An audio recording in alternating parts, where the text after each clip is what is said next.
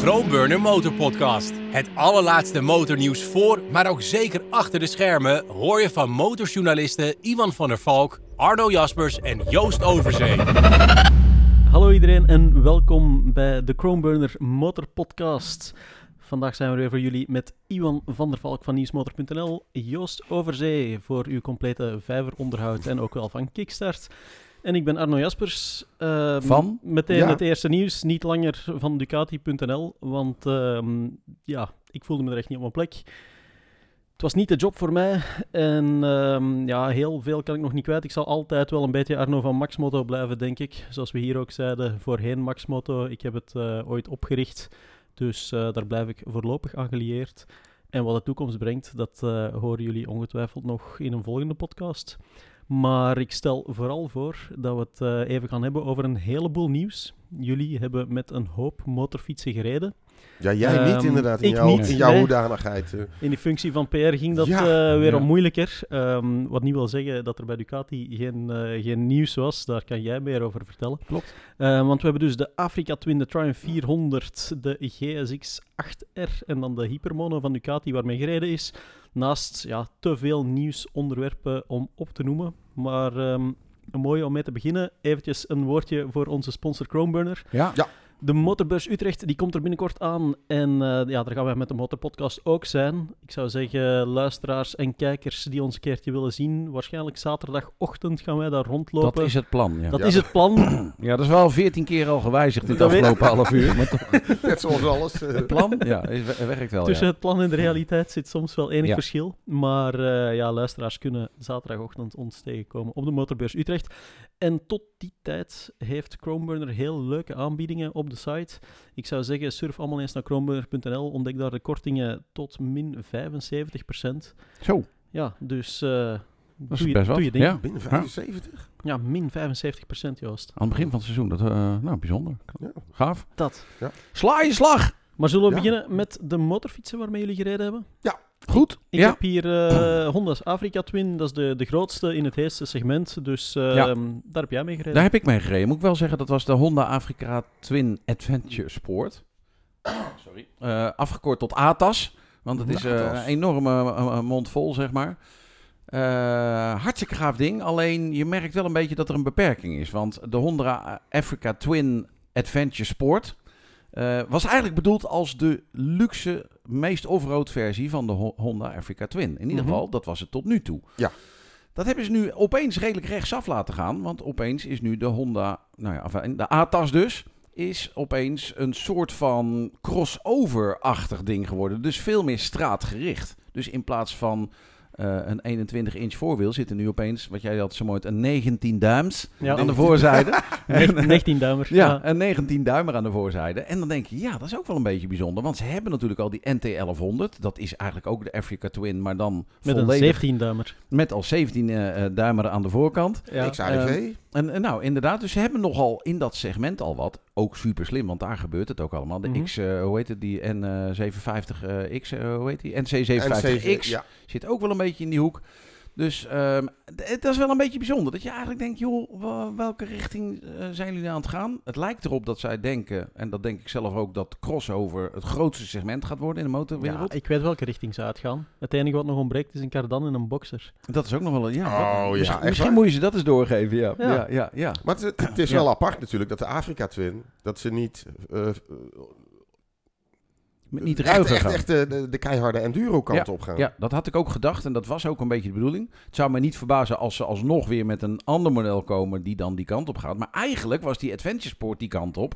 Ja, Ja, en daar zetten ze dan opeens dat eh 19 inch Mhm. voorwiel in. En ja, eigenlijk kom je dan een beetje in compromisland. Want met 19 inch en met de banden die eronder zitten, ik geloof dat dat van die Karoo eh, Street eh, dingen waren. Mhm. Ja, daar kan je mee offroad, maar je kan met Nou. slicks ook offroad. Dus Dus- eigenlijk, eigenlijk niet. Ehm, Eigenlijk dus- een beetje het verhaal wat er gebeurd is. Ja, in 2016 werd hij voorgesteld echt als hardcore Ja. off-road. We gaan weg van de GS'en, we gaan terug richting... echt echte richting Afrika Twin. Ja, Dat werd dan later, die 1000 werd een 1100, werd hij een stukje meer tourmotor. Ja. En ja, nu is het echt bijna helemaal de touringkant uitgeslagen. Ja, Ehm, ja. Wat ja, de markt precies ook wel Ja, wil. hij ziet er wel heel ruig uit. Dus hij, uiteindelijk is dat ook wel wat de markt wil. Een ruig uitziende adventure Mhm. motor waarmee je alleen maar op straat gaat rijden. Nou, dat is, eh, dat is dit dus helemaal. Ehm, maar ja, ik vond het dus wat moeilijk om hem te plaatsen van wat gaan we hier nou precies mee doen. En uiteindelijk lijkt het dan ook wel een beetje, daar ben ik dan zelf wat meer van. Als je dan toch een straatmotor maakt, zet er dan gewoon ook een 17 duimer in. Maar dat kan dan weer niet, want dan komen ze hun eigen NT1100 eh, Ja. eh, komen ze dan in het vaarwater zitten. Dus het is een beetje een Maar- compromis ding Maar geworden. los, los van het voorwiel, eh, is er verder nog iets nieuws Ja. aan, aan te merken? Want Nou. ik bedoel, Afrika ja. het blok is nog steeds hetzelfde, geloof ik. Ja. En, en, eh, ja, ja het, verder blok, geen- he- nou, het blok hebben zij dan wel eh, 7% meer koppel zit erin. Ja, oké. Nou ja, eh, dat ja oké ben ik zeker met je eens, want dat was ook ja oké. Eh, het is wel zo dat er ons eh, nog even fijntjes ingevreven werd dat dat net zoveel winst was als toen ze van de 1000 naar de 1100 gingen. En daar zeiden we wel van, kijk dat is een echte upgrade. Dus nou, dit is eigenlijk vergelijkbaar. Ik zelf heb dat, die 7% extra niet kunnen vinden, maar dat betekent niet dat ze er niet waren. Maar misschien zat ik net even niet op te letten. Ehm, voor de rest, het ruitje is anders geworden, kuip is anders geworden. Ehm, dat ruitje weet ik nog niet of dat een verbetering is geworden. Vooral omdat het dus meer de straatkant opgegaan Mhm. is. Dan verwacht je meer windbescherming in plaats van minder. Maar het was dus minder. Ehm, Wel verstelbaar. wel verstelbaar, maar dan eh, niet op de allerhandigste manier, zeg maar. Ehm, dus het is, het is wel vooruitgang. En ik denk dat het nog steeds een fantastisch ding is. Alleen, ja, je moet, hij moet wel echt bij je passen. Want ja, wat wil je nou ermee gaan doen? Een off-road motor is het niet. Ni- Zeker niet meer, maar omdat hij dus de kleinere voorwiel gekregen heeft. Ehm, en Ja. uiteindelijk, wat mij ook wel opvalt... Mi- minder. ons- Minder. nee, nee, dat is waar. Maar uiteindelijk is dat de richting die zij kiezen. Want ze doen Ja. zelf natuurlijk heel eh, eh, stoer over dat kleinere voorwiel. Eh, dus hij stuurt ook duidelijk beter wel dan met zo'n 21 inch voorwiel. Ik bedoel, het is echt wel een ramding. Mhm. Moet ik wel bij zeggen dat eh, Honda de koningin is om de testroute geweldig voor elkaar te hebben. Daar ben ik al een keer ingetuind met de NT1100. En eh, dat is En toen heb je hem gelijk in... Ja, ja, ja, toen had ik hem gelijk maar. hoog in mijn lijstje we staan. hebben het- we hebben het er eh, niet meer ja, over. En op, eh, in, in realistische eh, omstandigheden bleek dat heel anders. Dit was wel weer een prachtige route en er werd wel weer echt lekker doorgereden. Ehm, er waren ook motoren zonder DCT. Nou, dat Ja, was eh, fantastisch. natuurlijk fantastisch. Met Zat, een- zat er al zo'n eh, e-clutch eh Nee, nee, nee, die e-clutch die komt er nog aan. Ehm, maar dit was dus een aantal motoren zonder DCT met quickshifter. Met voorsprong duizend keer leuker in mijn beleving dan de DCT, maar afijn. Ehm, maar een- gewoon een heel erg fijne motor.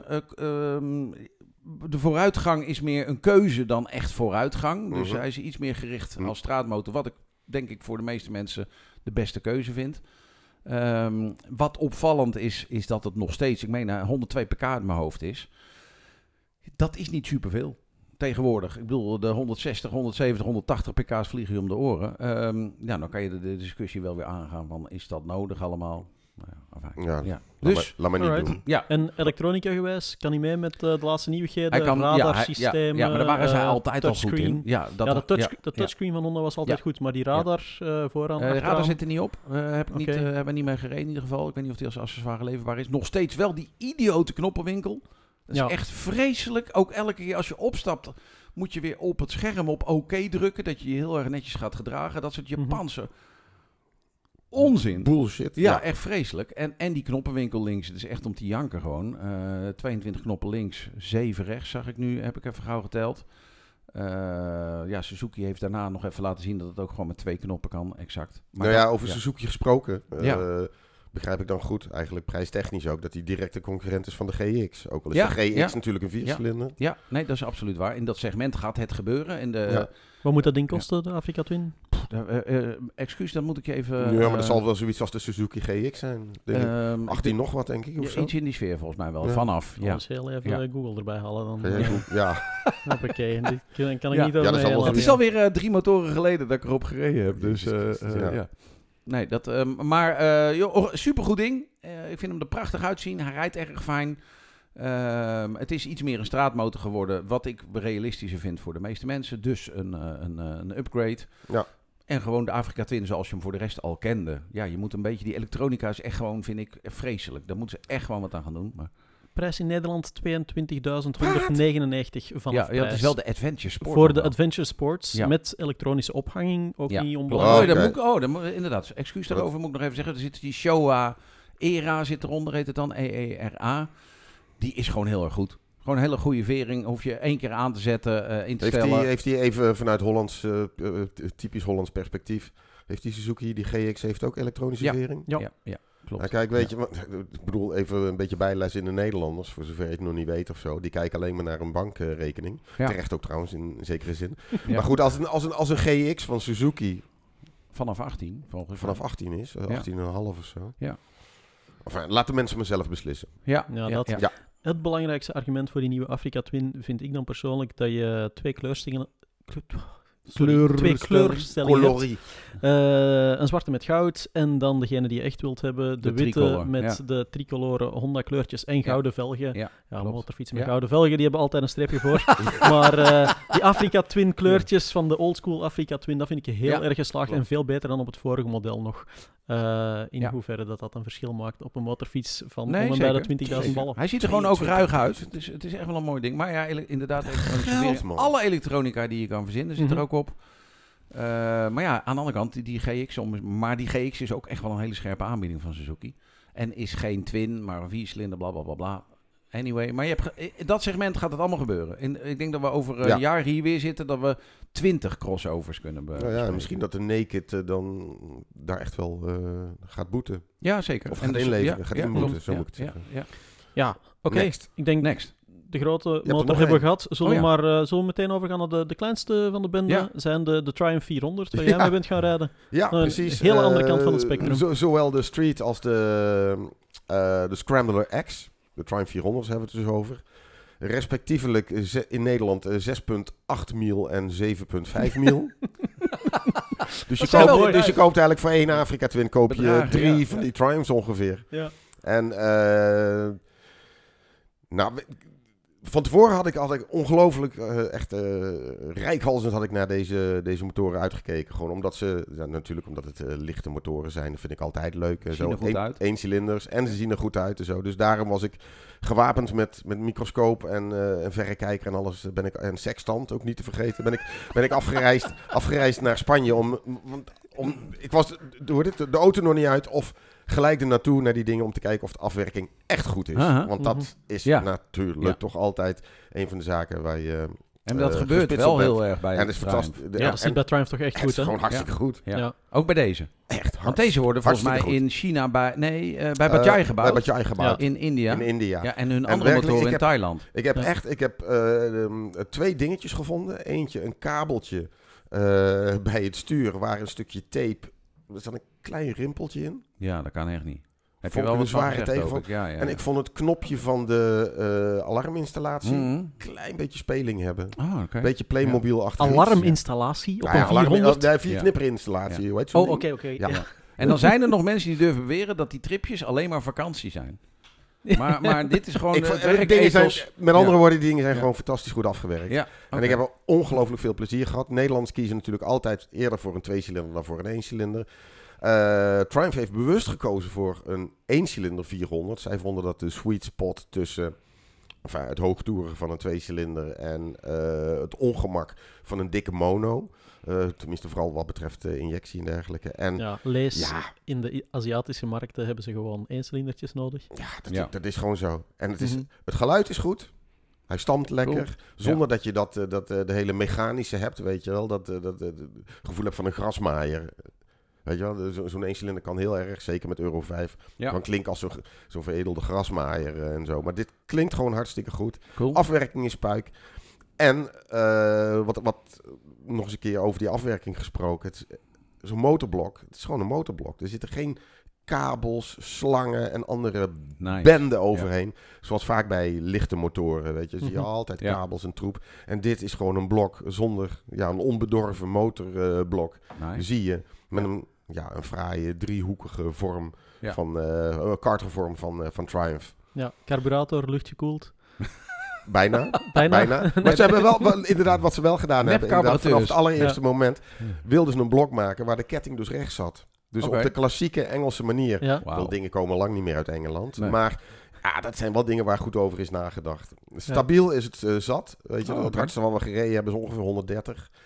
Ik bedoel, het had harder gekund eh, en zo. Ik denk dat zo'n ding wel boeien. 140, 150 loopt. Lekker belangrijk. Mhm. Stabiliteit is goed. Eh, van, de, van de nadelen, als ik dan toch een nadeel moet noemen. eh, er zit geen verstelbaar, het is een detail, maar er is geen verstelbaar remhendel Oh, eh, oké. aan. Ja. En dat kan een nadeel zijn altijd voor wat we dan noemen voor het vrouwtje. Ja. Weet je wel? Want Ja. dan gaan, gaat het vrouwtje gaat klagen. klauwen. Want, want nou, ik had juist dat ik een verstelbare remhendel miste, omdat het hendel te dichtbij zat. Ja, ja, voor mijn precies. tengels. Ja. ja, voor het mannetje. Voor het ventje. voor het ventje. Het ventje vond. Dus eigenlijk als ik in een Met Joost afdaling. zijn kolen Ja. schoppen natuurlijk. Als ik, als ik dus vol in een afdaling zat of zo, dan had ik het gevoel dat ik te veel dit moest doen Ja, of zo. Ja. En je ik- vingers ertussen ook. eh of dat Ja, niet? nou ja, Is bij- het wel twee vingers remmen, eh, dat soort werk? Ja, in de afdaling 2, 3.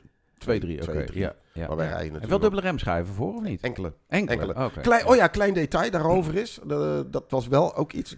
Klein minpuntje. De vork die wil een beetje torderen. Een klein beetje voorrem erbij. Ja. En, of tenminste hier dus eigenlijk. Klein beetje voorrem. dan, dan, dan doet hij dit. ja. Maar dat is op zich nog niet eens zo opzie- opzienbarend. Er is makkelijk mee te leven. Maar het is de herkomst van de vering. Oké. Eh, Sh- Showa, denk ik. Mis. Nou ja, dat raad je nooit. Hebben jullie wel eens gehoord van het merk Endurance? Nee. Is dat een merk? Dat is een merk Oké. uit India. Ja. Nou, ga kijken op endurancegroup.com of iets Uh-huh. dergelijks. En je komt daar weer een of andere fabrikant tegen van dingen. Dat is echt ongelooflijk. Maar er zit een, een toeter, een dikke toeter van een eh 43 mm upside down op. Oh, oké. Ja. En het functioneert allemaal Daar fantastisch. Daar hebben die Chinezen toch echt een patent op, hè? ja. Op de kleinste motorfietsen de dikst mogelijke voorvork Ja, zetten, want. Dat dan knap, heb hoor. je een echte Ja, motor. In de specs, dan zitten er twee van die enorme potten onder. Exact, Ja. exact. Voor mij had die niet, hadden ze niet goud hoeven zijn, die voorvorken, op beide modellen. Ja, maar India ik ben wel. Ja, in. India wel. Moet, je In India, het moet een premium uitstraling hebben. Ja, ja. Maar goed, als er eh, Kayaba of Showa onder gezeten had, had ik het Ja. ook eh, niet gemerkt. Dus gewoon endurance, vering, want, iets eh, gewoon India's goed. premium, ik bedoel, die prijzen die je net noemde zijn voor Europa redelijk.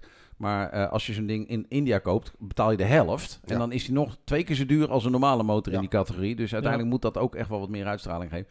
Over heb ik wel vaak het idee dat met die prijzen dat we wel een beetje genaaid worden. Want dan zeggen ze altijd, ja, maar Europa dit, bla bla bla bla. Ja. Ik geloof er geen fuck van. Die dingen komen allemaal exact hetzelfde fabriek uit, want dat is het goedkoopste om te bouwen. En dan gooien ze me gewoon twee keer over de kop. eh, en dan, eh, Ja. dan wordt hier het verkocht met enorme marges. Eh, Ze zeggen zelf van niet, maar Ze ik zeggen altijd, al- hoe kan zo'n ding in, in eh, India 2500 kosten en bij ons eh, 7000? Dat, dat blijft Ja. me verbazen. Maar, Ja. anyway, dat. Nou, ik vond het echt, echt, echt een superleuke Tof. motor. Super, Tof. super, super Ja, positieve ja. En motor. een echte vrolijke motor. Ja. En ook niet het gevoel dat je op een klein ding zit. Nee, Weet je, oké. het, het- Ja. er is ook duidelijk wel een verschil tussen de gewone street, of de street, en de, de scrambler. Mhm. Scrambler heb je een, enfin, die, is- die- logisch, die is groter, Ja. hoger en Ja. alles. Heb je meer een stoer gevoel bij. Mhm. Ja. Eh, hoewel eigenlijk die, die, die gewone, de, die van 6.8 mil in Nederland, Mhm. de gewone speed, Ja. die, die is eigenlijk wat vrolijker Ja. in sturen en dergelijke.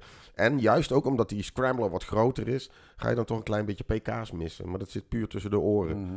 Ja. En die ook, eh, kosten, zei je dat? Wist je dat? Eh, eh? 7.5. Ja, dat is geen, echt geen beroerde prijs. En Nee, joh, echt. achteraan stereovering of monoshock? Een mono. Oké. Mono. Ja. Ik weet dat ze bij Triumph is- vaak voor de looks puur voor de Nee, stereovering ja, gaan. nee, dit, dit was dan Had mono. Ja. Ja. Ja. En het is hartstikke mooi, weet je. Er zit een grote eh, snelheidsmeter op met een echte naald. Oh, Dus echt? geen fake dingen. Cool. LCD-schermpje. Ja. Nou, dan kan je zeggen, ja, dat had ook een eh, TFT kunnen zijn. Maar Mhm. ja, dikke lul. Dat maakt dan ook niet uit. ja. Zo'n LCD-ding, dat werkt goed. En Ja. eh, ik, ik, een hele positieve, complete motor. Ja, Echt eh, heel fijn. Alright. Nou, nice. Ja. Tof. Next. Ja, next. Dan komen we uit bij de oh ja, dan ben ik weer. Ik Suzuki. Ge- Ga- ja. Joost Ja. is in Marokko geweest en Ja. heeft daar ook de kinkhoest op gedaan. Ja. Ja, de- Maar De kinkhoest, ja. Van alles. ver- verklaart meteen je prachtige t-shirt voor de Ja, kijkers ze op lagen, onze ze op lagen er snel uit in de Afrika Cup in ieder geval. eh, ja. maar goed. Ja, Anyway, over naar de GSX-8R. Oh ja, ja. Dat is eh, ja, Ja. de gekuipte versie van de GSX-8S bij Suzuki. Ja. Je hebt ermee gereden, enkel op circuit of ook op de weg? Nee, allebei. Eh, maar eigenlijk, ja, dat is een beetje, mijn hele verhaal valt gelijk weg. Want jij zegt inderdaad, het is de gekuipte versie van de GSX 8S. Oké. Punt. Ja, Oké. Ja, daar, eh, nou, ja ik, kan- ik kan er veel meer over vertellen. Dat ga ik ook toch nog maar weer even doen hoor. Maar gewoon omdat Ja. het moet. Eh, maar eigenlijk is dat het. Er is eh, eh, iets veranderd. De, vering is wat anders. In plaats van eh eh Kayaba zitten er dan weer wat anders onder. En er zit een kuipje op. En er zit een, het stuur, het stuur Wacht, is er zit hoger. andere vering onder? Er zit een andere vering onder. Er zit nu Showa onder. En, ehm, eh, dus dus eh, het, het- stuur is iets anders. Maar als je, ze hadden er eh, S ook staan. Als je overstapt scheelt het echt een centimeter of twee in je gevoel. Weet je wel, tussen de hoogte van, Van het stuur. zithouding. Eh, het stuur is ook niet echt clip-ons of zo. Het is een beetje een soort van Ja, het is opbouw. dus een compromis. eh, ja, alles is een compromis natuurlijk. Zo'n is verhoogde clip-on wil je dan zeggen? Of, eh, Ja, en die zit gewoon ook bovenop het stuur. Dus Ja. niet aan de onderkant. ehm, dus als je ermee de valt, dan kan je in één keer de hele Ja, dat is al. Maar sowieso, ja. uitvervangen. Uiteindelijk is het een gewone motor. Ik bedoel, ik weet dat jullie wat lachen over het woord, het woord eh, people carrier. Maar het is gewoon een, een motor met een eh, eh, sportsausje eroverheen. Het is ook Ja. absoluut geen sportmotor. Ik bedoel, we hebben ermee op het circuit gereden. Dat was hartstikke leuk, echt waar. Ja, maar dat was met die Triumph 400 waarschijnlijk ook leuk ja, geweest. klopt. Was Ja, dat was- elke motor leuk. Vooral als je met een hele club bent dat iedereen dezelfde motor heeft. Ehm, hij past helemaal in de subsportklasse die we laatst hebben uitgevonden. Ehm, in die subsport eh, past hij prima. De R7 is denk ik wel veel sportiever. De RS660 is veel sportiever. De Ninja 650 is minder sportief. Die en hebben de wel Honda allemaal minder CB65. pk's. Ja, ja. Dan komt die nieuwe Daytona 660 er nog aan. Die Daytona en, eh, 660 komt. Dus die subsportklasse begint zich ook aardig te vullen. Nou, dat is hartstikke leuk. En we hebben hartstikke leuk op het circuit gereden. Maar uiteindelijk, eh, ja, op een gegeven moment, je komt heel snel in de ABS terecht. Ehm, als je per ongeluk de zekering van de ABS kwijtraakt, dan, eh, ehm, Dan remt hij wel. dan remt hij wel goed. Eh, echt goed. Eh, schakelt goed. Eh, met die quickshifter is het hartstikke leuk. Eh, doet, doet, doet niets verkeerd. Standaard quickshifter zoals op de S ook. Ja, eh, ja, ja. Ja, en eh, uiteindelijk hebben ze gewoon de hele motor hartstikke goed voor elkaar. Het is een hartstikke leuk ding. Het gewicht is een beetje goed gecamoufleerd. Of... Ja, ook nog wel. Eh, hij weegt 205 uit mijn hoofd. Ehm, nou ja, voor 83 pk eh, is dat allemaal niet zo gek. Dus het is echt su- een superleuke motor. Alleen het enige wat ik er steeds bij wil zeggen is... jongens, vergis je niet. Het is geen supersport. Nee. Het is geen circuitmotor. Het is Het eerder, kan een, ding, allemaal wel. het is eerder een, een, een ding om in een tanktas op te zetten. En, Bijvoorbeeld. en, ja, eh, ja, ja. En dan en heeft als hij- uit Frankrijk te ja, rijden, ja. denk En dan ik is dat- het verschil met die S nog heel klein, omdat het ruitje ook heel laag is en omdat het stuur bijna niet anders is. Oké. Dus, eh, dus, dus ik, ik vond het een zeer geslaagde motor. Hij werkt, dat blok is natuurlijk geweldig, maar dat kennen we al uit de V-Strom 800 en de S. Mhm. Dus eh, nou, dat is nog steeds een Ik las, ik las wel één één groot nadeel op nieuwsmotor. Oh, Dat in Ame- alleen in Amerika in een gele kleur te krijgen is. ja, ja, ja, ja. Dat was op oliepeil, denk ik, dat je dat zag. Oh ja, ja, ja, oliepeil, ja. Ja, dat Supercool. eh, inderdaad. Nee, Amerika heeft een gele kleur gekregen. En, En die ja, is vet, man. die is wel heel vet, Ja, inderdaad. kijk, Maar, ja. Bij ons enkel blauw, zwart. Of... Eh, smurfenblauw, zwart en grijs. Ja, ja, en dat smurfenblauw is niet zo smurfenblauw als op de S. Dit Nee. is wel iets meer nou, eh, Suzuki, Suzuki blauw. Ja, Suzuki extra Ja, blauw. ja, klopt. Maar die S die heeft dat smurfenblauw. En dan dat schreeuwgeel, zeg maar, dat hebben ze dan alleen in eh, Amerika, inderdaad. Joh, een superleuk ding. Ik, eh, eh, als je ja, je bent er helemaal wild van. Nee, nou, nee. Ik, Ja, maar, nee, maar ja, het, la- het, het is Moeilijk, weet, hè? je- Weet, Ja, je ja. wat het ook, weet je wat het ook is als ik jou zo aanhoor? En ik bedoel, ik zou het, eenzelfde verhaal vertellen. Jij precies hetzelfde. Er is eigenlijk over dat soort motoren niet zo heel veel meer te nou vertellen. ja, omdat we... Omdat ze eigenlijk allemaal met die hele, kuip. die hele sub... Nee, maar ook die Ja. hele subsportklasse. Ze doen het allemaal goed. En je kan er af en toe mee op het circuit als je daar zin in hebt. Ja. Mhm. Het doet het allemaal op circuit niet allemaal florisant of zo. Maar Ja. weet je, je zit Prima. er allemaal aardig op. Ja, En zo- leuk. het is, het is Ja. bijna altijd hetzelfde verhaal. Ja, het is je. een beetje te veel op mensenmaat en het doet niet echt dromen. En Nee. als ik dan het- heel eerlijk moet zijn... Nou, dat proberen ze dus wel. En daarom, ook- maar daarom jouw verhaal was gelijk to the point. Het is een S met een Ja, kuip. dat, dat was trouwens echt niet de bedoeling om je on, on the spot Nee, te zetten. gelijk. Je had helemaal gelijk. Want ik vind, zeg, ah ja, als ik dan de reviews lees, ehm, dan vind ik iedereen is zo lief voor dat ding. Iedereen Nou is zo lief. En het is- ook zo'n brave ja. motorfiets. Je kan er ook niks verkeerds van Ik heb het idee dat zo... Ja, Nee. Het- het sorry, sorry Het- voor het het- seksisme, het- maar ik vind het ook zo'n beetje... Ja, het wordt echt zo een, een beetje een motor, een vrouwenmotor. Zeggen we dan heel Het neerbuigend. is een Labrador. En het- je kan terwijl- er niks verkeerds van zeggen. Terwijl de Suzuki... Ja, dat sorry, heb ik- maar ja, ze hebben... Als ik Ja. dan twee heel positieve punten zie, of nee, één heel positief punt zie, zeker in België, dan is het dat die SV650 nu echt wordt weggegeven bijna. Ik geloof nog geen 7000 euro dat je, dat je betaalt. En dat is een supergoed ding. Ja. Direct. Ja. Ehm, Oké, die heeft min- minder pk dan die GSX-8R, maar, maar is wel iets leuker. Super fijne Ja. motorfiets. En langs de andere kant, ja, ik heb dan toevallig een oud GSX-R'tje 7,5 in, eh, in de garage staan. En ik weet dat online of ja, bij de dealer vind je nog een hoop van die GSR's en GSX-S 750's. Die Suzuki, ja. Ja. die werden toen bestempeld als oude motorfietsen, omdat ze werden vergeleken met de Z900's en de MT-09's eh, van de wereld. Dat is een goed ding. Ja. En dat kostte echt helemaal niks. En nu Ja. komen ze met dit. En oké, het is een nieuwe motor van Suzuki. Daar zijn we allemaal blij om. Ja. Maar het is niet dat ze het warm water hebben uitgevonden. nee, hè. Nee, dat, Integendeel. dat ben ik volledig met je eens. Platform Ja. bouwen met een parallel twin. Ja. Ja.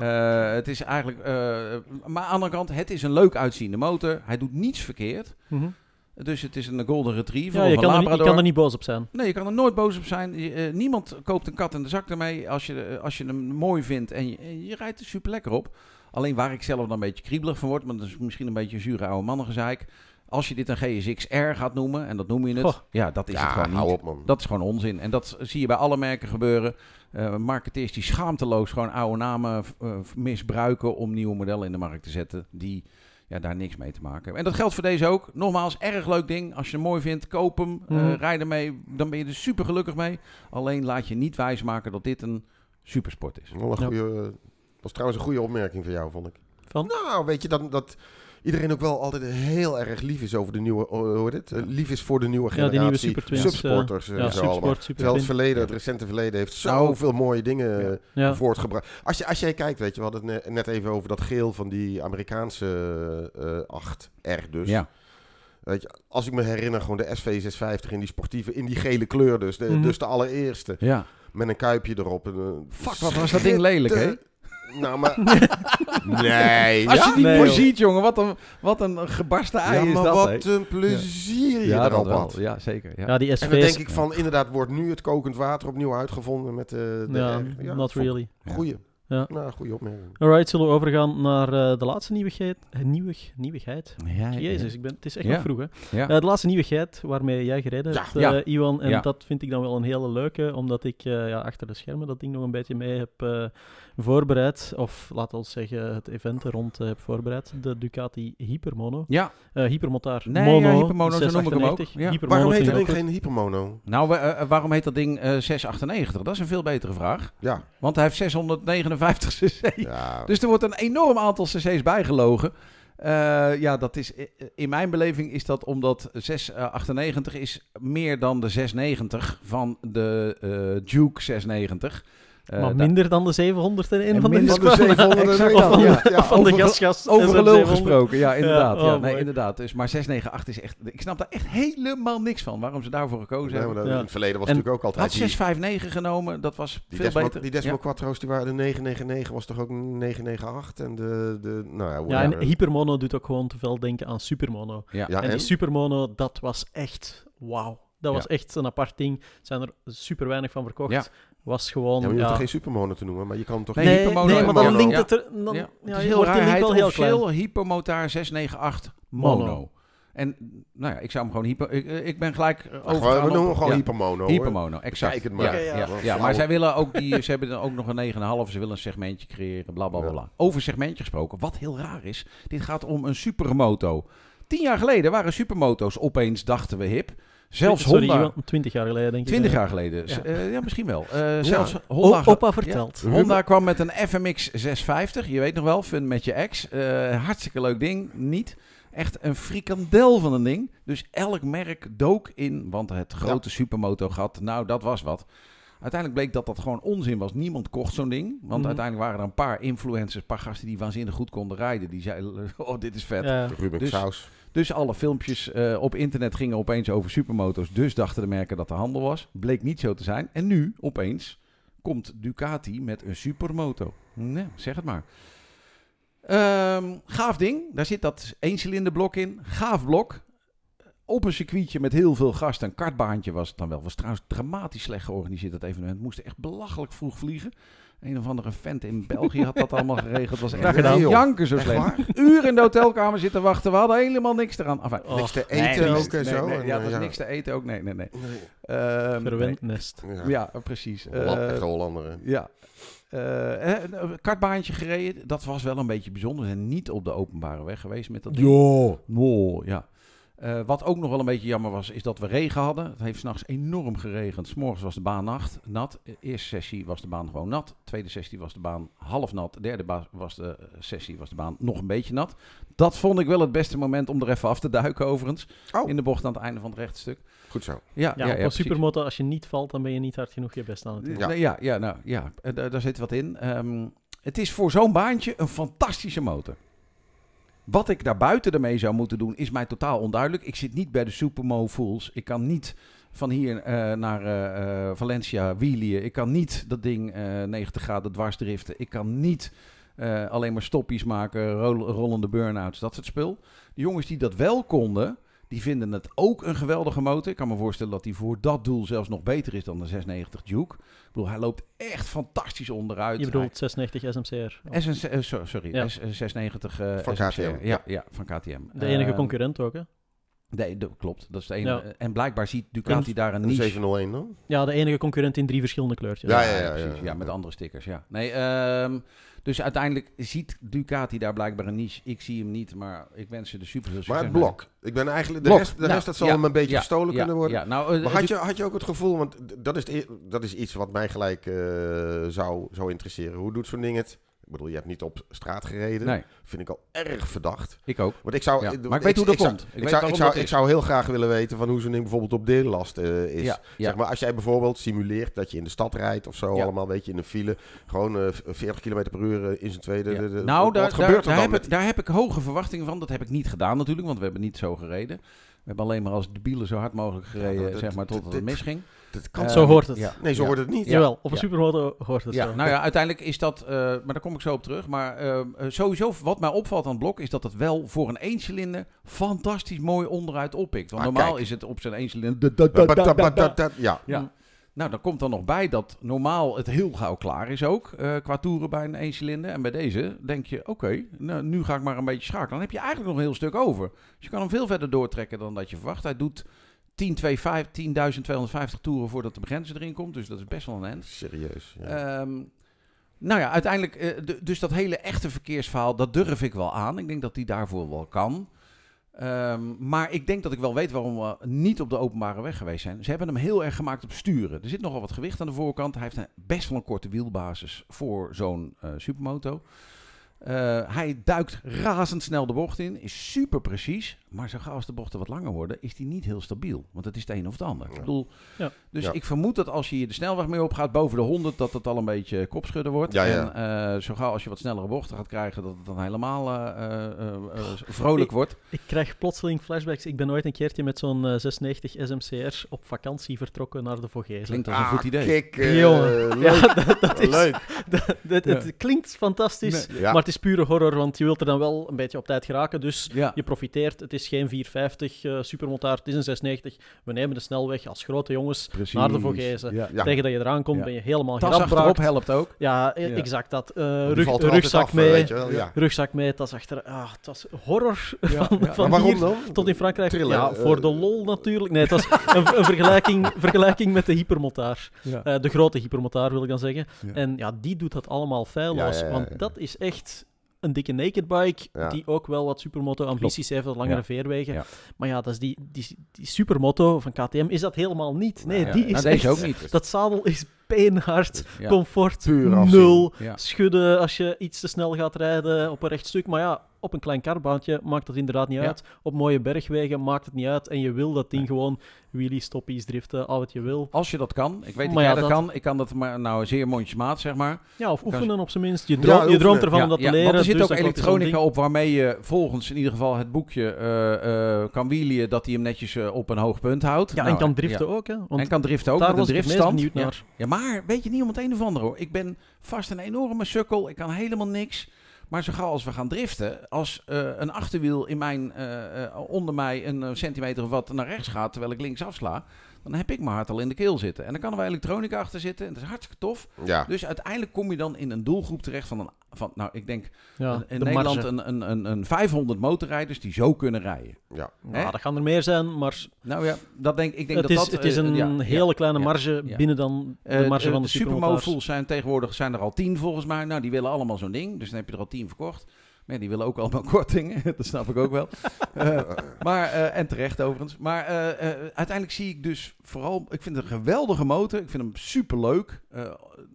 Dat Ducati dit doet en durft vind ik ook helemaal gaaf. Ja. Ik weet alleen niet wat... het heeft zin als je een kartbaantje erbij hebt. Of als je hem in Spanje laat staan. Want er zitten een paar thermies onder. Van die thermionisch onder de RVE-versie, daar krijgt hij gelijk 8 pk erbij. Ja, Zo, ja, ja. Dat is echt veel. Dan Ik loopt hij ook nee, ik veel heb- mooier. Ik heb nagekeken, Ja. dus bijna 2.500 euro. Ja, dat, ja. Komt er ja, nog even Ja, bij, dat ja. wel voor het uitlaatsysteem. Eh, Leuk. ja, en die RVE is al 1300 euro duurder dan de standaardversie. Ik snap niet waarom dat ding Nee, bestaat. en dat is raar, Dat is want, echt belachelijk. want de quickshifter kost 300, dus dan betaal je 1000 euro voor die andere kleurtjes. Afijn, dat is allemaal Ducati-verhaal zoals alle Ducati-kopers dat al jaren accepteren. Ja. Ehm, dus ik zou hem super graag willen hebben, maar dan zou ik hem daar op dat kartbaantje laten staan. En dan ze nu dan invliegen om daarmee te rijden. En misschien en dan met, leren echte slides te maken en echte wheelies van, eh van en hier dan met tot, eh, cargo terug of met de gipsvlucht. Ja, eh, ja, ja. ja. ik ik zie trouwens hier net dat hij in Nederland vanaf 14.690 euro klopt. moet kosten. Ja, en die Holy RVE kost dan eh 15,99 en dat is echt veel geld. Ja, Maar dat is de andere echt kant- wel een ja. stuk meer dan Weet je wat- eh, de KTM'tjes. Het is in tegenstelling tot waar we het er straks over hadden, dat dat Labradors zijn. Dit is wel een beetje een, een, een, nou, een, een, een, Pitbull. een pitbull-achtig ding met ook nog een muilkorfje die erop kan Ja, zetten. toch die vind ik hem niet mooi genoeg.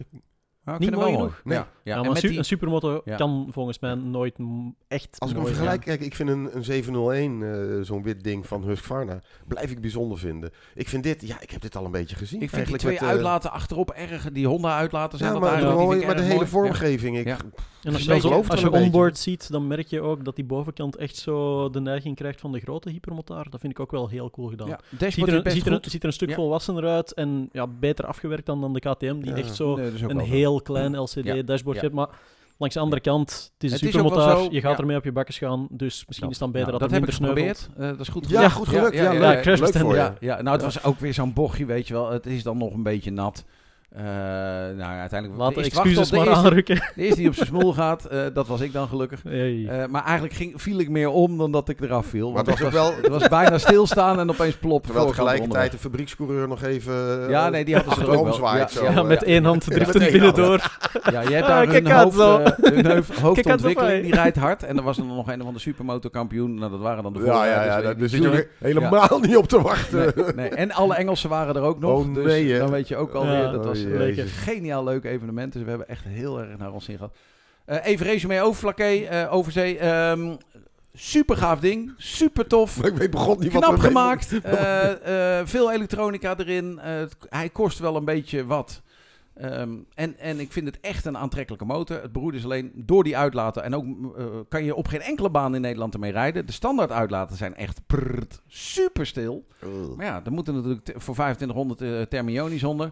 Eh, en dan loopt hij ook gelijk veel beter. En ook dan pas krijg je dat wheelie systeem cadeau, wat heel vreemd is. Dus dan koop je die uitlaten en dan krijg je pas dat die... Ach, Oh, godverdomme. ja. Begint Ducati ook al met de elektronische opties. ja. dat zit er Was me daar, niet eens daar dan in. En, Oh, ehm, eh, dus dat is een beetje bijzonder. Het nadeel is, ik denk dat als je zo'n ding koopt, dat je of je rijbewijs binnen drie uur kwijt bent, want dan ga je hier in de buurt als een debiel rijden. En dat lijkt me hartstikke leuk, maar afijn. Dat is niet goed voor mijn carrière. Eh, of je moet bij de Supermofull zitten, of bij dat soort eh, rijstijl passen. Eh, want op kartbaantjes kom je er niet meer uit. In Nederland word je op geen, en in België ook niet, op Ik geen enkel baantje toegelaten met dat ding. Oh, Eh, jawel. nee. Spa-Francorchamps je Ja, met zo'n ding. Ja, totdat ze het geluid horen, dan ben je gelijk weer klaar. Oh ja, ja, geluidsmatig bedoel je. Oké, Dus, ja. ehm, dus, dus dat Ik is vind, het. ik vind het wel jammer dat jij eh, eigenlijk voortijdig eh, afscheid hebt genomen van Ducati. Ja. Want ik wou je net voorstellen van ik ga naar de Vorgees op vakantie met zo'n ding. dat, dat vind ik nou echt wel iets voor Ja, mij. ik gewoon. vermoed dat ik dan wel even teruggefloten Ja. zou worden. ik denk dat de, eh, DRE, de Frankrijk. Ducati Riding Experience, gewoon daar op dat baantje in de buurt van Valencia, dat Guerrero Ja. eh, kartbaantje, Ja. daar, en dat we dan steeds invliegen gewoon. En Ja, ik maar kan ik stel kan voor heel we- weinig met we verwelling heb ik geleerd. Ja, ik denk dat we samen even een voorstel Ja. Hey, moeten maar zou doen. dat niet eh, dan even, nog even, ehm, eh, de- is de naam Hypermono, wordt het niet eh, juist bewust vermeden, omdat er toch nog een keer volgend jaar of over twee jaar een supersport eh, aan zit te komen met dit blok? Ze gaan dit motorblok toch niet alleen voor dit ding maken, toch? Ik denk dat ze er wel wat meer dingetjes mee gaan doen. Maar uiteindelijk denk ik dat dat meer... eh, ze hebben die crossers natuurlijk, eh, ja. sinds kort. Dus uiteindelijk willen ze in die, die eencilindermarkt iets wat stoerder, wat, wat, wat dikker maken. En ik gok dat je vooral in Azië met dit blok best wel heel veel gaat kunnen. Ja. Hey, maar dan moet je een iets... Ja, maar niet voor 15.000 euro. Nee, dan moet je Nee. iets duurzamer, goedkoper ding maken. En dan kan je dit blok dan inpompen. En dan denk ik dat je best wel interessante, goedkope Ducatis kan gaan verkopen. Die ook eh, het me- Desmo-verhaal volhouden en zo. Ja, Eh, ik denk dat dat wel, eh, af. ja, dat dat wel een goed verhaal is. Genoeg genoeg. Alright, tot zover de motoren die we gereden hebben. Na de pauze meer nieuws. Ben je op zoek naar nieuwe motorkleding of accessoires? Dan ben je bij Groenburner Motorgear aan het juiste adres. Met meer dan 28.000 verschillende producten op voorraad hebben we altijd het juiste product voor de beste prijs. Je vindt ons langs de A59 vlakbij Den Bosch. Tijdens het motorseizoen zijn we maar liefst 7 dagen per week geopend. Bestel je liever via onze webshop, dan versturen we jouw bestelling nog dezelfde dag als je op werkdagen voor 10 uur bestelt. Groenburner Motorgear. Fun starts here. En nu terug naar de podcast. Right, zijn we weer. En eh, ja, traditiegetrouw zullen we de vaste rubrieken dan maar niet Eerste overslaan. sponsor.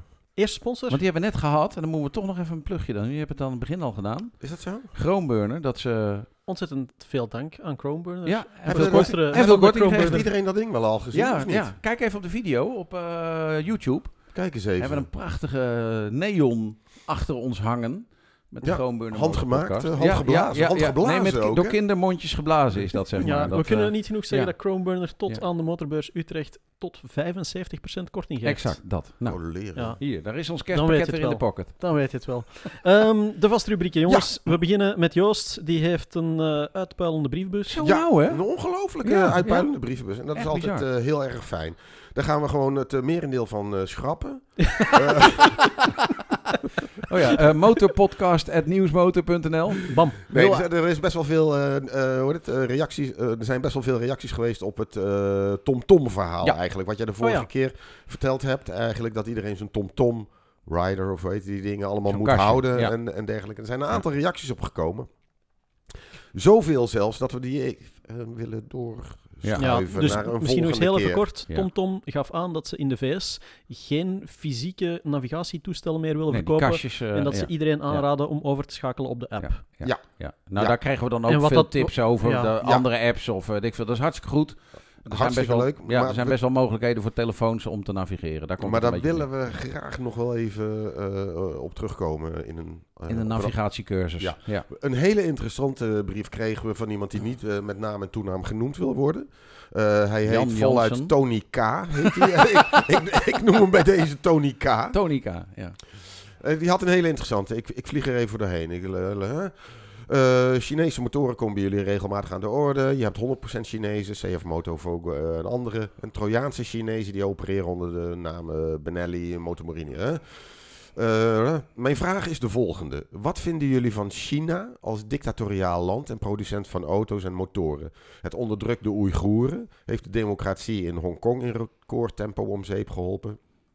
Als je een product koopt dat gemaakt is in China, dan ondersteun je de economie van dat land. Ik weet wel dat het om politiek gaat, maar bij China kan je niet om de, hun agressieve politiek heen. Wat vinden jullie? Is het verstandig de Chinezen in de showroom te laten staan en iets meer te betalen voor een westerse motor, waarvan sommige onderdelen uit China komen? Eh, nou, dat is van eh, Tony K. Ja, die, eh, op de achtergrond hoort dit geluid over, dat geschreeuw. Dat is Tony die weggesleept wordt door de Chinese geheime dienst. en eh, in de kelders van het naburige Chinese restaurant uren gemarteld gaat worden. Ehm, nou, Want dat- Tony ja. K. vergeet één ding eigenlijk. En dat is toevallig eh, vorige week weer aan de orde geweest. eh, dat eh, het Nederlandse ministerie van Defensie weer gehackt is Ja. door, en dat is een nieuwe term, Ja. Chinese overheidshackers. Oh, wauw. Ja, dat is een baan gewoon. Dus inderdaad, ik, ik vind inderdaad dat Tony volledig gelijk heeft. Gewoon met, met, met, met de be- zeer bedenkelijke achtergrond wat betreft van China. met, de Oeigoeren, Hongkong, mensenrechten in het algemeen. Maar ook dus met de hele hackcultuur eh, waarbij de, de, de wereldeconomie zeg maar, eh, altijd op scherp wordt gezet. Ja. Eh, dus ja, Nou ja, je ziet nogal bijvoorbeeld in de e- elektronica dat er beperkingen worden opgelegd aan Chinese fabrikanten. Ja. Waar wij die, die telefoons maken, nou, dat mag dan bij een aantal diensten niet meer. Het is wel een hele lastige, want uiteindelijk zie je eigenlijk dat iedereen alsnog zaken doet met China, omdat we niet zonder kunnen. Dat is exact natuurlijk ook de bedoeling geweest van het hele economische plan van, van China. Eh, ja, eh, Tony heeft volledig een punt. Ik weet alleen niet zo goed wat ik daar dan in re- real life, behalve hier heel stoer roepen dat we dat allemaal niet moeten doen en het toch doen, eh, te roepen. Dus eh, ja, ik vind het een Ik, ik, ik, eh, heb er inderdaad ook al over nagedacht. Nog even een nachtje. Of nou ja, een nachtje ook weer niet hoor. Niet? Nee. Oké. Nee, Nou, Jos, dat die koopt gewoon Nee, een ik heb- Chinese motor, dat weet je zo. Ja. Ik koop gewoon een Chinese motor. Nee, maar goed, de driekwart, Ja. nee, maar driekwart van de mensen zal uiteindelijk toch gewoon denken, dikke lul, eh, Ja. de- die motor is 300 euro goedkoper. Komt die uit China, komt die niet uit China. Ehm, En en bovendien, en bovendien, we zijn met z'n allen, en dan praat ik over de hele wereld, we zijn gewoon veel te laat. Ja. Om daar nu nog mee te komen. Ja. Nou ja, alles in- alles in- komt... je- In de, nieuwe, in de niet-Chinese motoren zit ook al eh een kwart aan Chinese Wat hij ook aangeeft, en dat klopt ook. Hè? Weet je, er zitten al. Chinese onderdelen. We gaan met z'n allen gaan we toch naar de action. Wat Ja. Wat ik denk dat het inderdaad onmogelijk is om niet we bestellen dingen bij. AliExpress, weet Ja. je wel, voor, voor drie knaken, eh, wat met kinderhandjes in elkaar gezet worden. Kijk, het is natuurlijk, en waarschijnlijk zal ik dan ook wel ergens op een eh, lijst komen in China. Het is natuurlijk een uitgesproken kutland. Eh, Joost wat- wat- Ovalzee. ja, wat, wat, wat betreft... nee, maar wat Die was betreft... slecht, hè? Ja, Ja. die was heel slecht. En, Ja. en, en bovendien ook nog zoiets. Je zou bijna vergeten, en dat Tony je ook eigenlijk eh, wel in, in zekere zin. Vorig jaar had China had gewoon de Olympische Winterspelen. hè. Ja. Ja. ja. dus we zijn zo schijnheilig als wat. Weet je, het gaat allemaal om het grote geld uiteindelijk. En, Ja. Laten we wegblijven van dat soort politieke Laten we daar- daarvan eh, weg- in deze wegblijven. podcast. Ik Maar weet ik wat Tony denk- wil zeggen, maar Ik, denk, ik denk inderdaad dat ehm, als Tony eh, daar moeite mee heeft, dan moet hij geen Chinese motor Nee. kopen. Nou, ik vind het goed dat het aangestipt is. het is goed dat het aangestipt is, Ja. maar het is eigenlijk je... In theorie heeft hij gelijk, in de praktijk loopt het helaas anders. Exact. ja, wordt het Ja. heel moeilijk. Staat er nog brieven die je wilt overlopen of nee, gaan we het daarbij eigenlijk houden? eh, niet zo 1, 2, 3. Ik vond deze wel eh, zeer Ja. interessant. Eh, we hebben nog wel motormarketing missers. eh, de TomTom Tom heb ik hier en zo. Dus, eh, Zullen we maar overgaan Ja. naar de motormarketing, mister. De volgende vaste rubriek, want we Ja. hebben nog een heleboel nieuws en eh die hebben gaan we toch voor, nooit eh afgewerkt krijgen. ja? Ja, over naar de motormarketing mister. MMM, Triple M. de motormarketing misser. Ting. Motormarketing misser, Dat dat, was een, eh, is... een eh, Ducati eh, persbericht, toch? Ja, die zat in de brievenrubriek. Die zat in de brievenrubriek, Ja, ja, ja, ja, yes. ja, ik weet het, daar kan ik om eh, professionele redenen niet verder over uitweiden. Ik kan Ja, alleen zeggen ja, dat ik wel, echt Dat was van een, een knaller, een knaller van een eh, persbericht heb uitgestuurd. Ene waar, Chris, eh, Chris Fourstroke. die Chris, bedankt. Chris, jongen, top. ja, dankjewel Chris, ik zal het Maar goed, Arno had er niks mee te maken. Ja. Nee, Ja, nee, het is een lang verhaal dat we hier niet aan gaan doen. Die koopt ook gewoon Chinese een Jongens, ja, een KTM. KTM, Ja. Oh ja, die KTM. Gaan alsnog eh, ja, niet, naar, de, motorbeurs. Utrecht, ja. En ja, hoe dat, dat komt, ja, dat weet eigenlijk niemand. Maar uiteindelijk denk ik... Er is daar nogal wat aan het rommelen geweest in de organisatie. Er is, eh, zijn nieuwe mensen, eh, oude mensen, nieuwe mensen, weet ik veel. Dat iemand gewoon in zijn enthousiasme gezegd heeft... Tuurlijk doen wij mee. Mhm. en want er- uiteindelijk is nu de deelname vanuit de motormerken... vanuit de RAI een soort van centraal geregeld... Eh, de RAI heeft zich daar hard voor gemaakt. En er komt ook een soort van verdeling. Je kan alleen maar een 50, 100 of 150 vierkante meter grote stand. Omdat dan de merken niet te veel tegen elkaar gaan opboksen. Bla bla bla bla.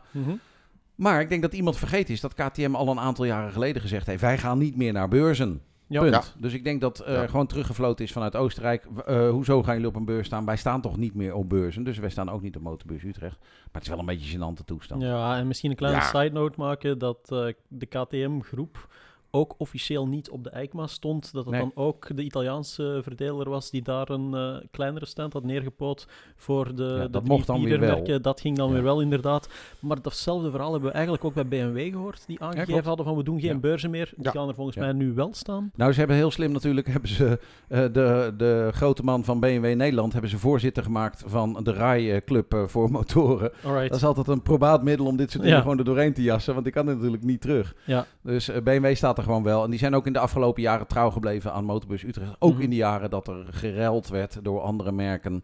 ja, Eh, om geen merken op de beurs te hebben. Precies. En, en nu eh, komt iedereen terug. Ja, BMW staat wel een beetje, of ehm, KTM staat wel een beetje met de broek op de enkels eh, door dit verhaal. Ja. Maar ze zijn Ja. er dus niet. Ja, En Harley Davidson, die waren trouwens ook niet op de EICMA. Die staan er ook gewoon.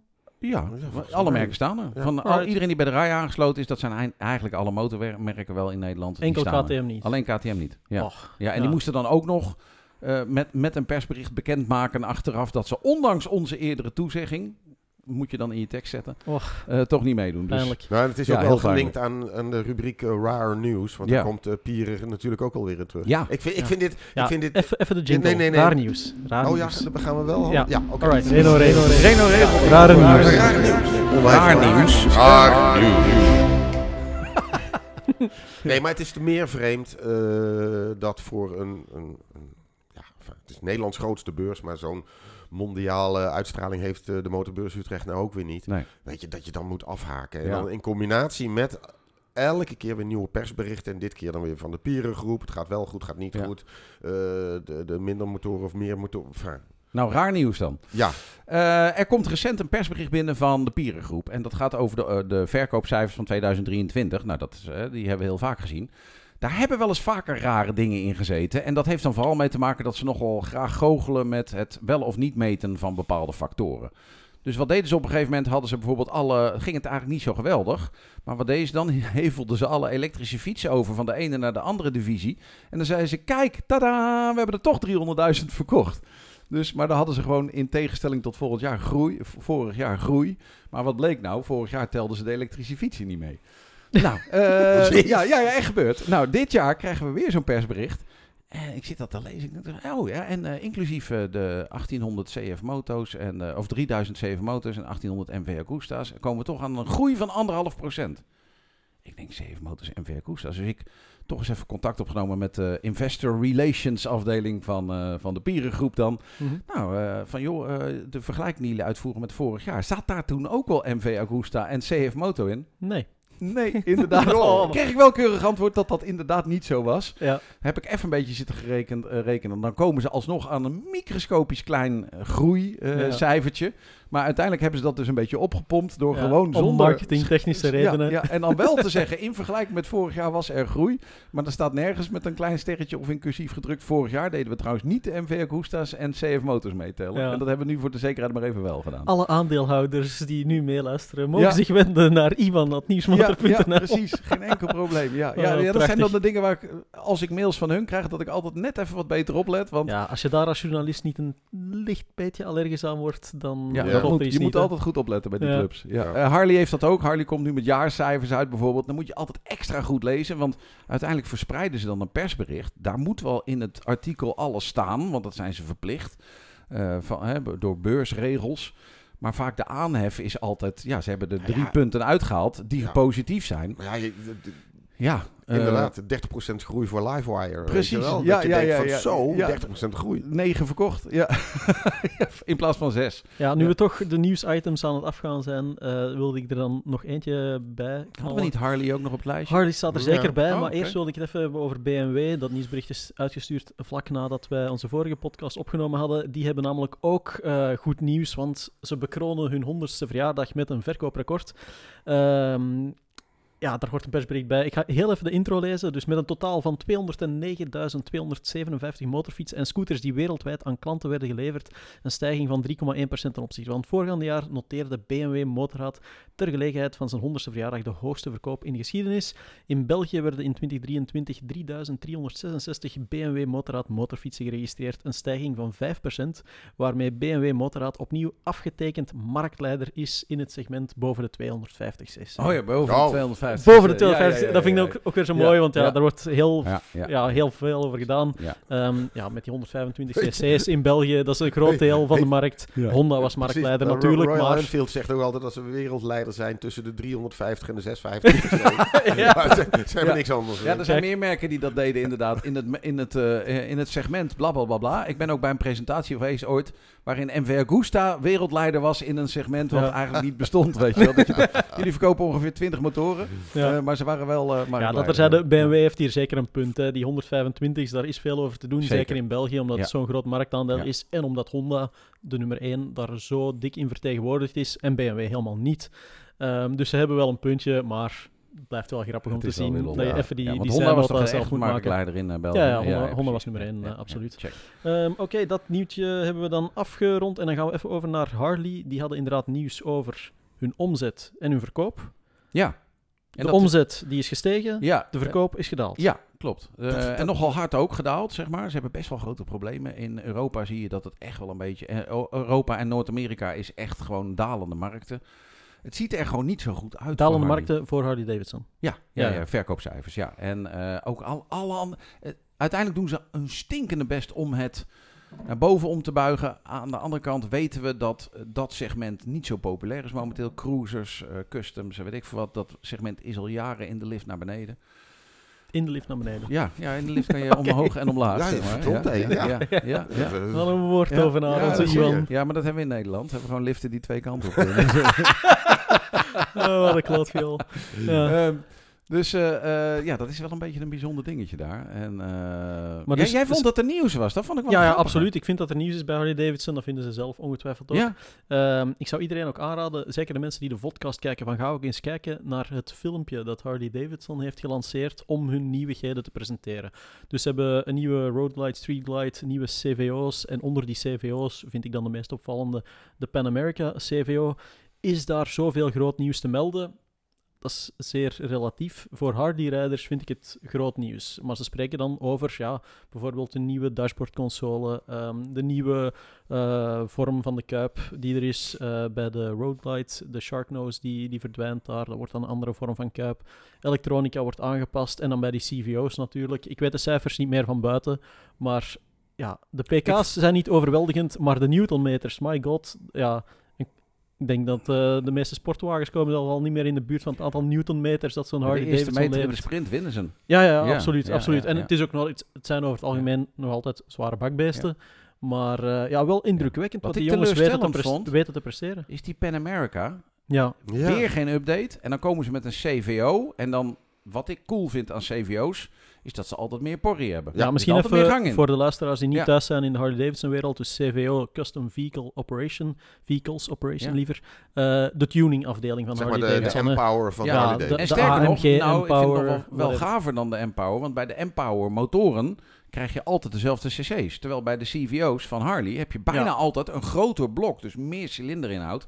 En dan komt twee jaar later datzelfde blok komt dan weer... In de gewone reeks. 121 wordt dan weer eh, in de Mhm. gewone Ja, gezet. En dan ja. komt CVO weer met een 123. Zo gaat dat al jaren. Dat is hartstikke Ja. tof. En dan verdomme komen ze met die Pan America. Het enige wat ze er niet aan doen is er meer porrie aan geven. En is het alleen maar kleuren.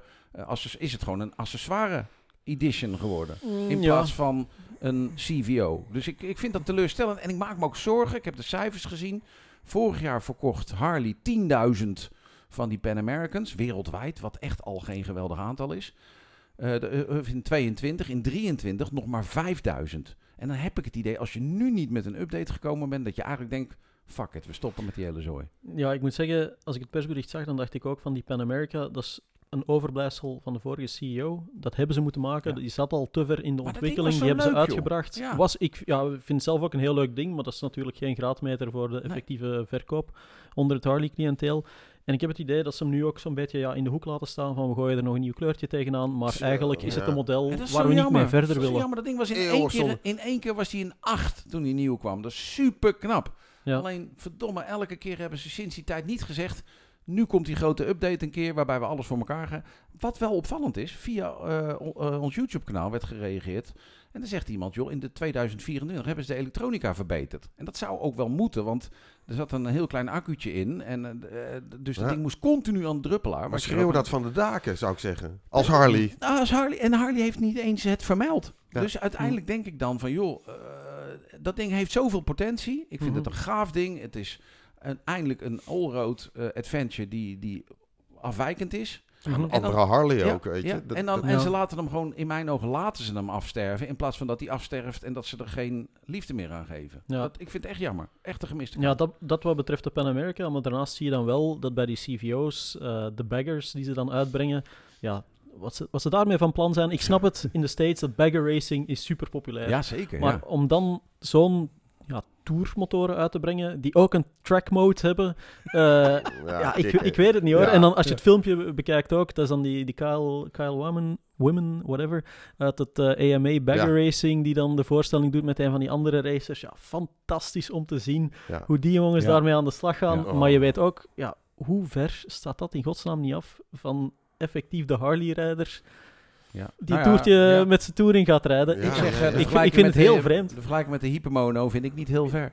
Ja, oké. Ja. Ja. Ja, je moet mensen laten dromen. Ja, dat dat. besef ik absoluut. Ja. Maar dit gaat toch wel heel ver weg Ja. van Dat is ook wel, ja, wat je ook wel effectief op de jammer weg dat, ziet met die Harleys. dat Harley gewoon die X350 en 500, die, die soort van Triumph Mhm. eh, 400 zeg maar, die Chinese dingen, dat die puur gewoon voor de Oriëntaalse markt is. Voor Ja. het Verre Oosten. Wordt in En- China gemaakt. en- Oriëntaalse markt. Ja. Ja? Ja, Prachtig. Georiënteerde je, bent, je bent eigenlijk wel een poëet, Joost. Op- op- Pride, ja. Ja. En, en Oceanië. Ja, ja. Dat is, dat, dat is ook namelijk voor Australië en eh, Nieuw-Zeeland.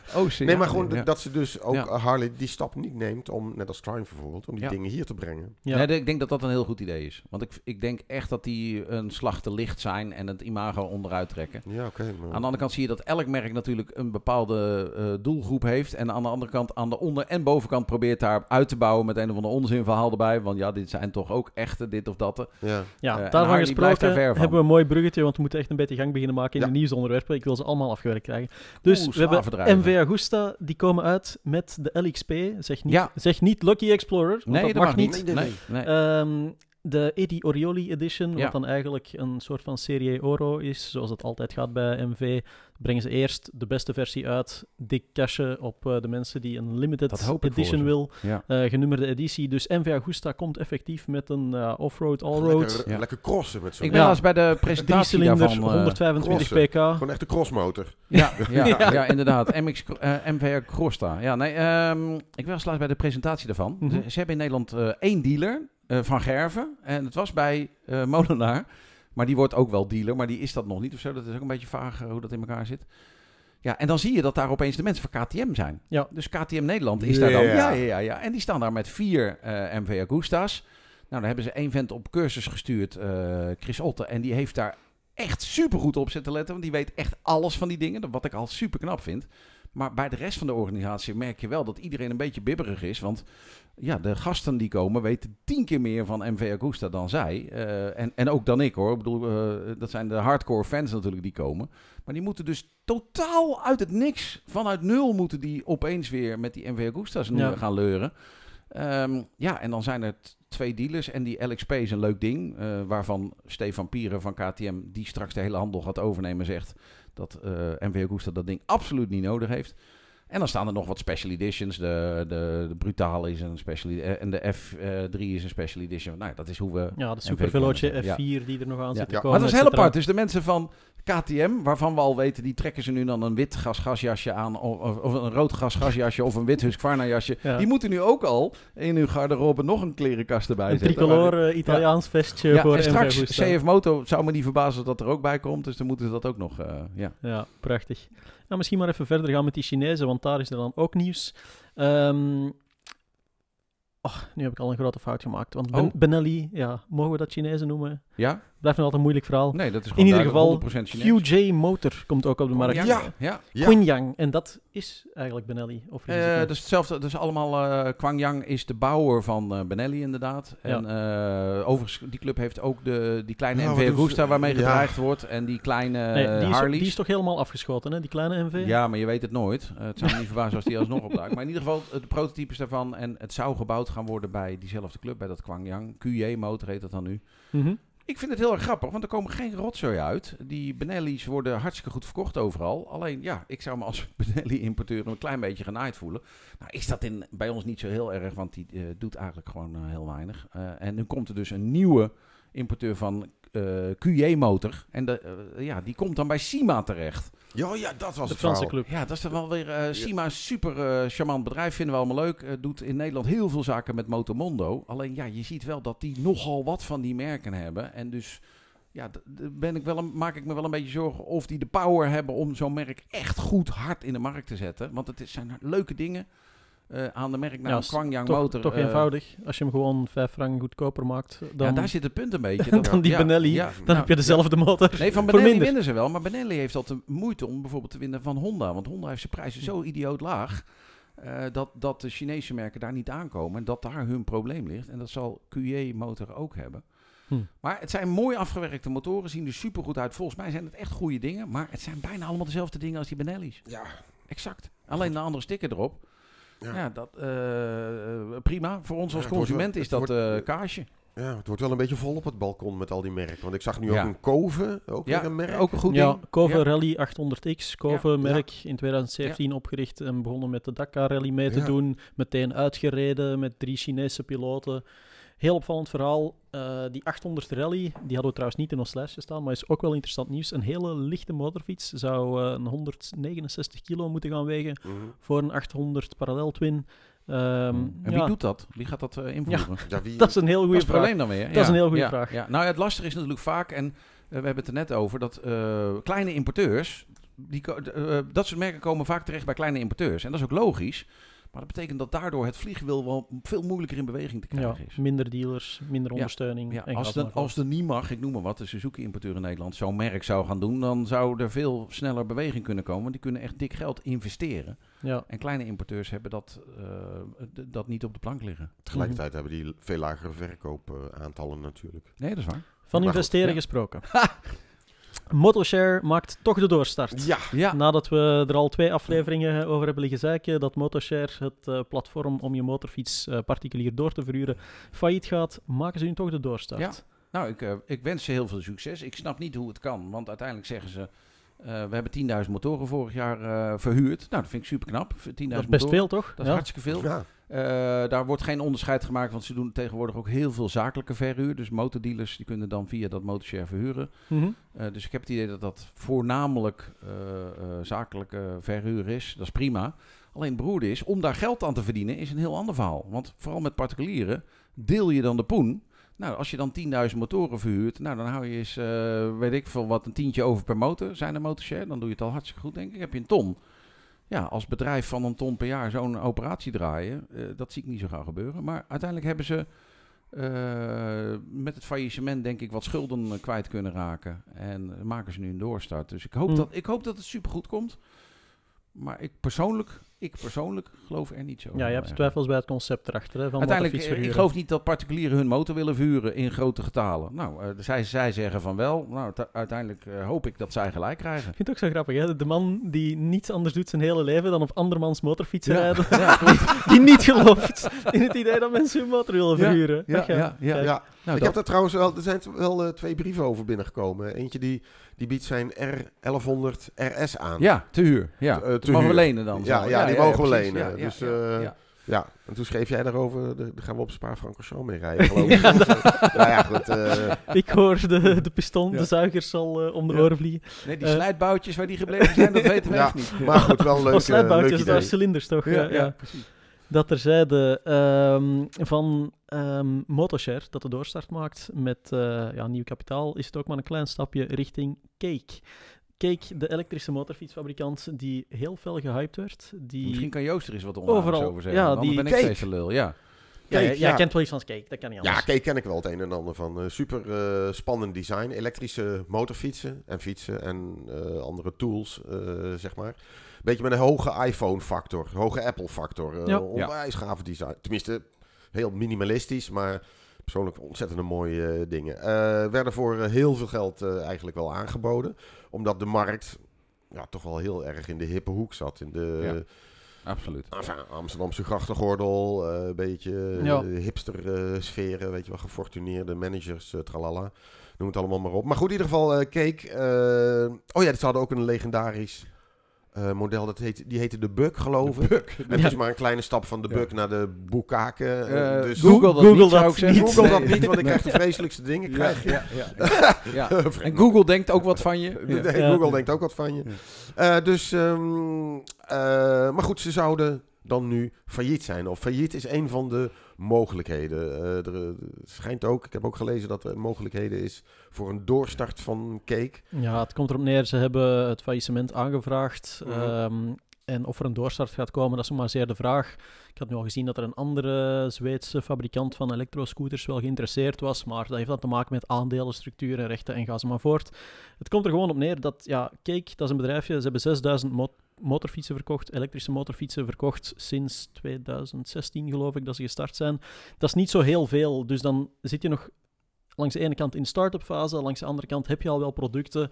eh, grote fabrikanten zoals een Polaris of een Hero die, eh, die Zero motorcycles blijven sponsoren, die gaan niet meteen investeren in zo'n bedrijf. Nee. Dus ja, eens het durfkapitaal, zoals het dan zo mooi noemt, op is, ja, dan, Ja. stopt het vaak. Ja, en dan kan je wel ophaalrondes blijven organiseren, maar op een bepaald punt is het klaar. En voor Cake, hoe mooi de motorfietsen ook zijn, en zeker in een land als België, waar je makkelijk eh, 125cc kan rijden, is zo'n elektrische lichte motorfiets misschien nog wel interessant. Maar, niet voor dat geld. maar niet voor dat geld. Nee. En ja, ik heb zelf ook wel eens met zo'n ding gereden. Daar zaten echt wel een aantal flaws in.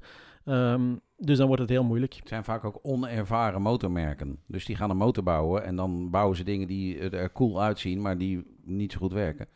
Eh, ik denk dat ditzelfde geldt voor veel meer elektrische motormerken. Uiteindelijk heb je er zoveel geld in de ontwikkeling gestoken, in de aanloop, in de marketing. Mhm. En dit is een faillissement, is dan vaak een, een handige, praktische methode om van die enorme schuldenlast af te komen. Meestal is dan de belasting, dus wij allemaal als eerste allemaal aan de beurt. Eh, want die is natuurlijk al jaren niet betaald. Hm. Eh, nou, met een faillissement ben je ja, daar dan vanaf. ook de werknemers die al lang niet meer betaald Vaak waren. ook ja. is dat. eh, Hm. Maar als je bijvoorbeeld kijkt naar, ik noem maar wat, een, een, een, een Zero of een Livewire. Livewire heb ik laatst een beetje te rekenen. Denk dat die al een half miljard erin gegooid hebben. En die verkochten vorig jaar 660 motoren. Ja. En dat zijn dan ondertussen best wel leuke motoren geworden. Maar daar hebben ze wel een half miljard aanloop voor nodig gehad. Ja, als je dan failliet gaat, begin je eigenlijk weer lekker op nul. ja. Ik hoop dat Ja. dat voor Cake ook gaat werken. Zero vorig jaar ook nog eh, een ophaalronde van 107 Ja. miljoen gedaan. Ja, en daar doen ze dan vaak heel stoer over. Dan vind ik dan aan de ene kant wel inderdaad dat je investeerders zover krijgt dat ze 700 miljoen geven. Dat zegt iets over jouw bedrijf. 107. 107 miljoen. Ehm, aan de andere kant denk ik, ja, eh, als je 107 miljoen nodig hebt, dan heb je nog steeds geen winstgevend bedrijf. Nee, nee, nee. nee, Ja. nee. Ehm, ach, Ja, to be continued. Eh, Ja. Over naar een ander klein bedrijfje dat iets gaat doen met elektrische motoren. Honda, eh, die gaan meedoen in het eh FIM. Waarom lach je nou zo? Ja, op, Nee. Nou, op Ja. dat vlak zijn ze nog een klein bedrijfje. Dat is. Nee. Honda die, eh, is eh, wereldwijd natuurlijk eh, met verre, verre voorsprong eh, de nummer 1. Verkopen iets van een eh 16,5, 17 miljoen motoren. Ehm, en die gaan nu ook meedoen in het FIM e-Explorer kampioenschap. En het zou me verbazen, moesten veel kijkers, luisteraars weten wat dat is. Maar ga alsjeblieft eens op zoek naar eh, de FIM e-Explorer eh, wedstrijden. Die staan allemaal op YouTube. Eh, het is een soort van ja, mix tussen enduro, cross, downhill mountainbike, waarbij teams van twee personen, man en een vrouw, gekoppeld aan elkaar, eh, om de beurt moeten rijden met elektrische motorfietsen. En ja, Nederland doet het daar trouwens niet slecht in, want Oh, echt? het is vorig jaar gewonnen door EMX Powertrains, Ah, die, ja. een, eh, die een crosser gebouwd hebben. Ik, Ja. ik, ik hoor Maar- alleen maar nieuwe dingen nu. Is een combinatie van downhill, wat zei je nou? Downhill en duro. Ja, het, het is een mix van enduro Van en, cross. Ja. Ehm, ze moeten dus wel echt over Nog boomstammen 10 kilometer zwemmen ook nog. Of, Ja. eh, ja. Kogelstoten. Klunen. Nee, Klunen. 100 Ja, kilometer. vroeger was dat eh. MLV Blauw, heette dat in het leger. Moest je eh, dat soort dingen allemaal doen, ja. Maar dus het is iets nieuws. Eh, ik vind dat een beetje past bij de, de GS-trophy-toestand, waar je zo ja, een mix van eh, ja, enduro-ritten met dan eh, opdrachtjes en, eh, en cross en whatever krijgt. Ja. Maar het gaat hier dus om het feit dat het elektro-motorfietsen zijn, elektrische crossers eigenlijk, eh, mogen we wel zeggen. En Honda gaat erin meedoen. Ja. Dus ik denk dat we ook op meteen weten wie er volgend jaar gaat winnen. Precies. Nou ja, het, het grappige is, in dat segment is een beetje gedoe. Want eh, de, de lijn tussen een elektrische eh, mountainbike en een elektrische motorfiets is niet super groot.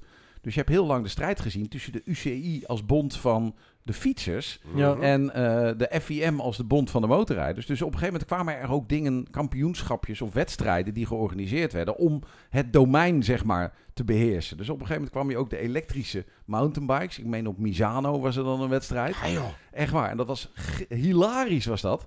Want uiteindelijk won er gewoon een, eh, een oude dikke kerel van mijn leeftijd. eh, omdat hij de dikste mountainbike had. Want de regels die klopten natuurlijk aan geen kanten.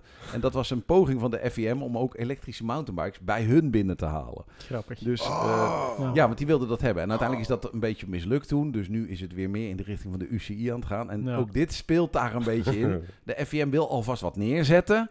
Voor het geval dat dit straks de grootste motorsport ter wereld wordt. Dat zij dat bij hun, Ah, kunnen dat het bij hun hoort. Ja, Ja. dat, dat, eh, Alright, tot daar. Nog eh, kort een paar andere onderwerpjes. Ik weet het, we zitten al eh, over onze tijdslimieten van een uur, maar dat maakt helemaal niet uit. Ehm, de Marechaussee gaat met K1600 strijden. ja, dat is Wat vinden we daarvan? Ik vind daarvan dat het eh, bijzonder is dat we wisten dat ze alleen met BMW zouden gaan rijden. Ik Ja. bedoel, voor de rest heeft niemand meer een aanbod. Dan denkt iedereen R1250 RT. Ehm, R1300 RT zal dat volgend jaar worden, daar kan je op wachten. Ja. Ehm, en dan gaan ze met de K1600 Met de testen. K1600. Ja, die ik, ik wens ze heel veel sterkte Ik ook. om in de binnenstad eh, scootertjes eh, te gaan Nou, volgen. daar, daar heeft de marechaussee dan iets minder dat soort werk. Want de marechaussee ja, die zeg doen maar, de snelwegen, ja, maar wat, sorry. wat ik vooral weet Ben van een Belg. K1600's, eh, ik weet dat de politie ooit Subaru Impreza's gehad heeft. Kijk, Super gaaf ding om de boeven te achtervolgen. Alleen, weet je wat, dat ding staat gewoon koud te wachten. Er komt opeens iets over de portofoon. Ja, We ja, hebben een. Achtervolging. Je springt op dat ding zometeen, die K1600. Je zet hem aan. Je zet hem direct tot aan de stuit open. Daar kunnen die blokken niet zo heel goed Nee. tegen. ja. Alright, volgend nieuwsonderwerp. Kawasaki verlaagt de prijzen in het 500cc segment. Hele interessant. Gaat hele in de aanval. Die Want mooi, de vraag is natuurlijk, nou dat is alleen maar goed nieuws. La- Ja. eh, Lagere prijzen, altijd goed nieuws. Eh, maar ik weet eigenlijk niet eens of de prijzen al bekend waren. Van die, van die Dat- 500. dat is wel een dus- goeie. Ja, ja. Dus ik, ik, eh, ik vind het prachtig Ja, nieuws. Ze Ja. verlagen de prijzen Die nog niet gepubliceerd ja, waren. De interne Denk prijzen. ik, hoor. Ja, ja, ja. Denk Wat sli- Verdomd, hé, dat heb ik niet eens doorgehad. Wat dom van me zeg. Ja, oh, wat de knap. titel klinkt wel als een Ja. bel. Tegelijkertijd is het wel weer een signaal waar we het zojuist over hadden. Weer een Japanse move om Ja. de Chinezen onderuit te halen. Ja, ik kan meteen al daardoor- melden da- dat er een Chinees tegenoffensief komt van CF Moto. Oh, dat Maar wel. daarover volgt Ja, in maar de op een volgende gegeven moment kunnen podcast die prijzen niet meer lager. Nee. Hè? Want dat is natuurlijk het probleem, met, zeker met die nieuwkomers, Ja. een, een, een CF-motor, noem ze allemaal maar op. Mhm. Weet je wel, die, die, je, het publiek verwacht van dat soort merken dat ze 1000 euro goedkoper Ja, en dat zijn dan een. Japans Dat merk. kan niet meer. Dat, Maar dat kan niet. bijna niet meer, zeker als Kawasaki nu... Maar Kawasaki gaat niks verdienen aan die dingen. Net zoals Nee, Honda nee, nee. niks verdient aan de NC750 of zo. Dat is gewoon... Ja. Dat wordt dan door de concurrentie kopend van marktaandeel genoemd. Maar als klant, als consument, spin je daar volledig garen Ja. bij. Particulier, doe uw voordeel. Ja, en ja, dat is dan misschien ook... Een eh, Kawasaki 500. Leuk Dat is misschien ook een belangrijke voor de volgende. Want ehm, ja, een klein nieuwtje wat we vorige week te zien kregen, dat was dat er eindelijk getest is met de Yamaha R9.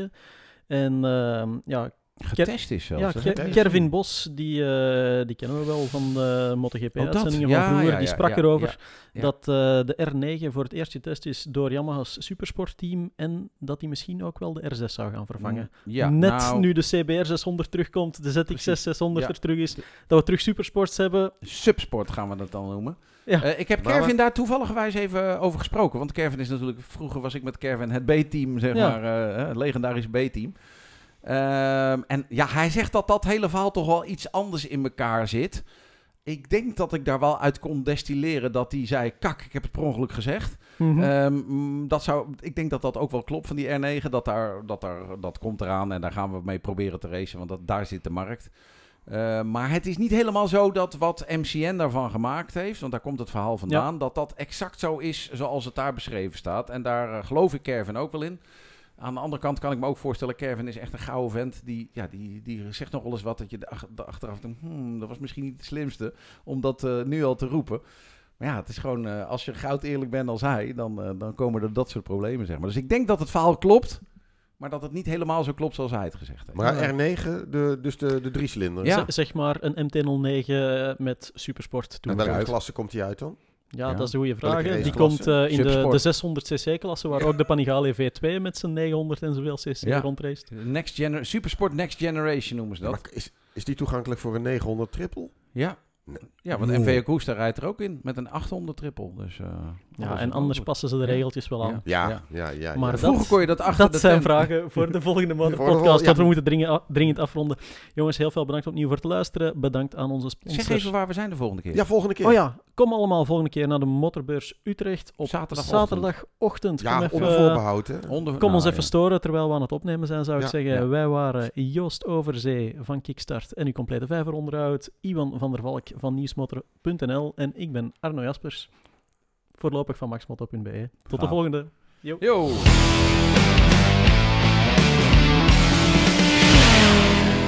Leuk dat je luisterde naar de Groenburner Motorpodcast. We starten alvast de motoren om aan de slag te gaan voor de volgende aflevering. Die hoor je over twee weken. Tot dan!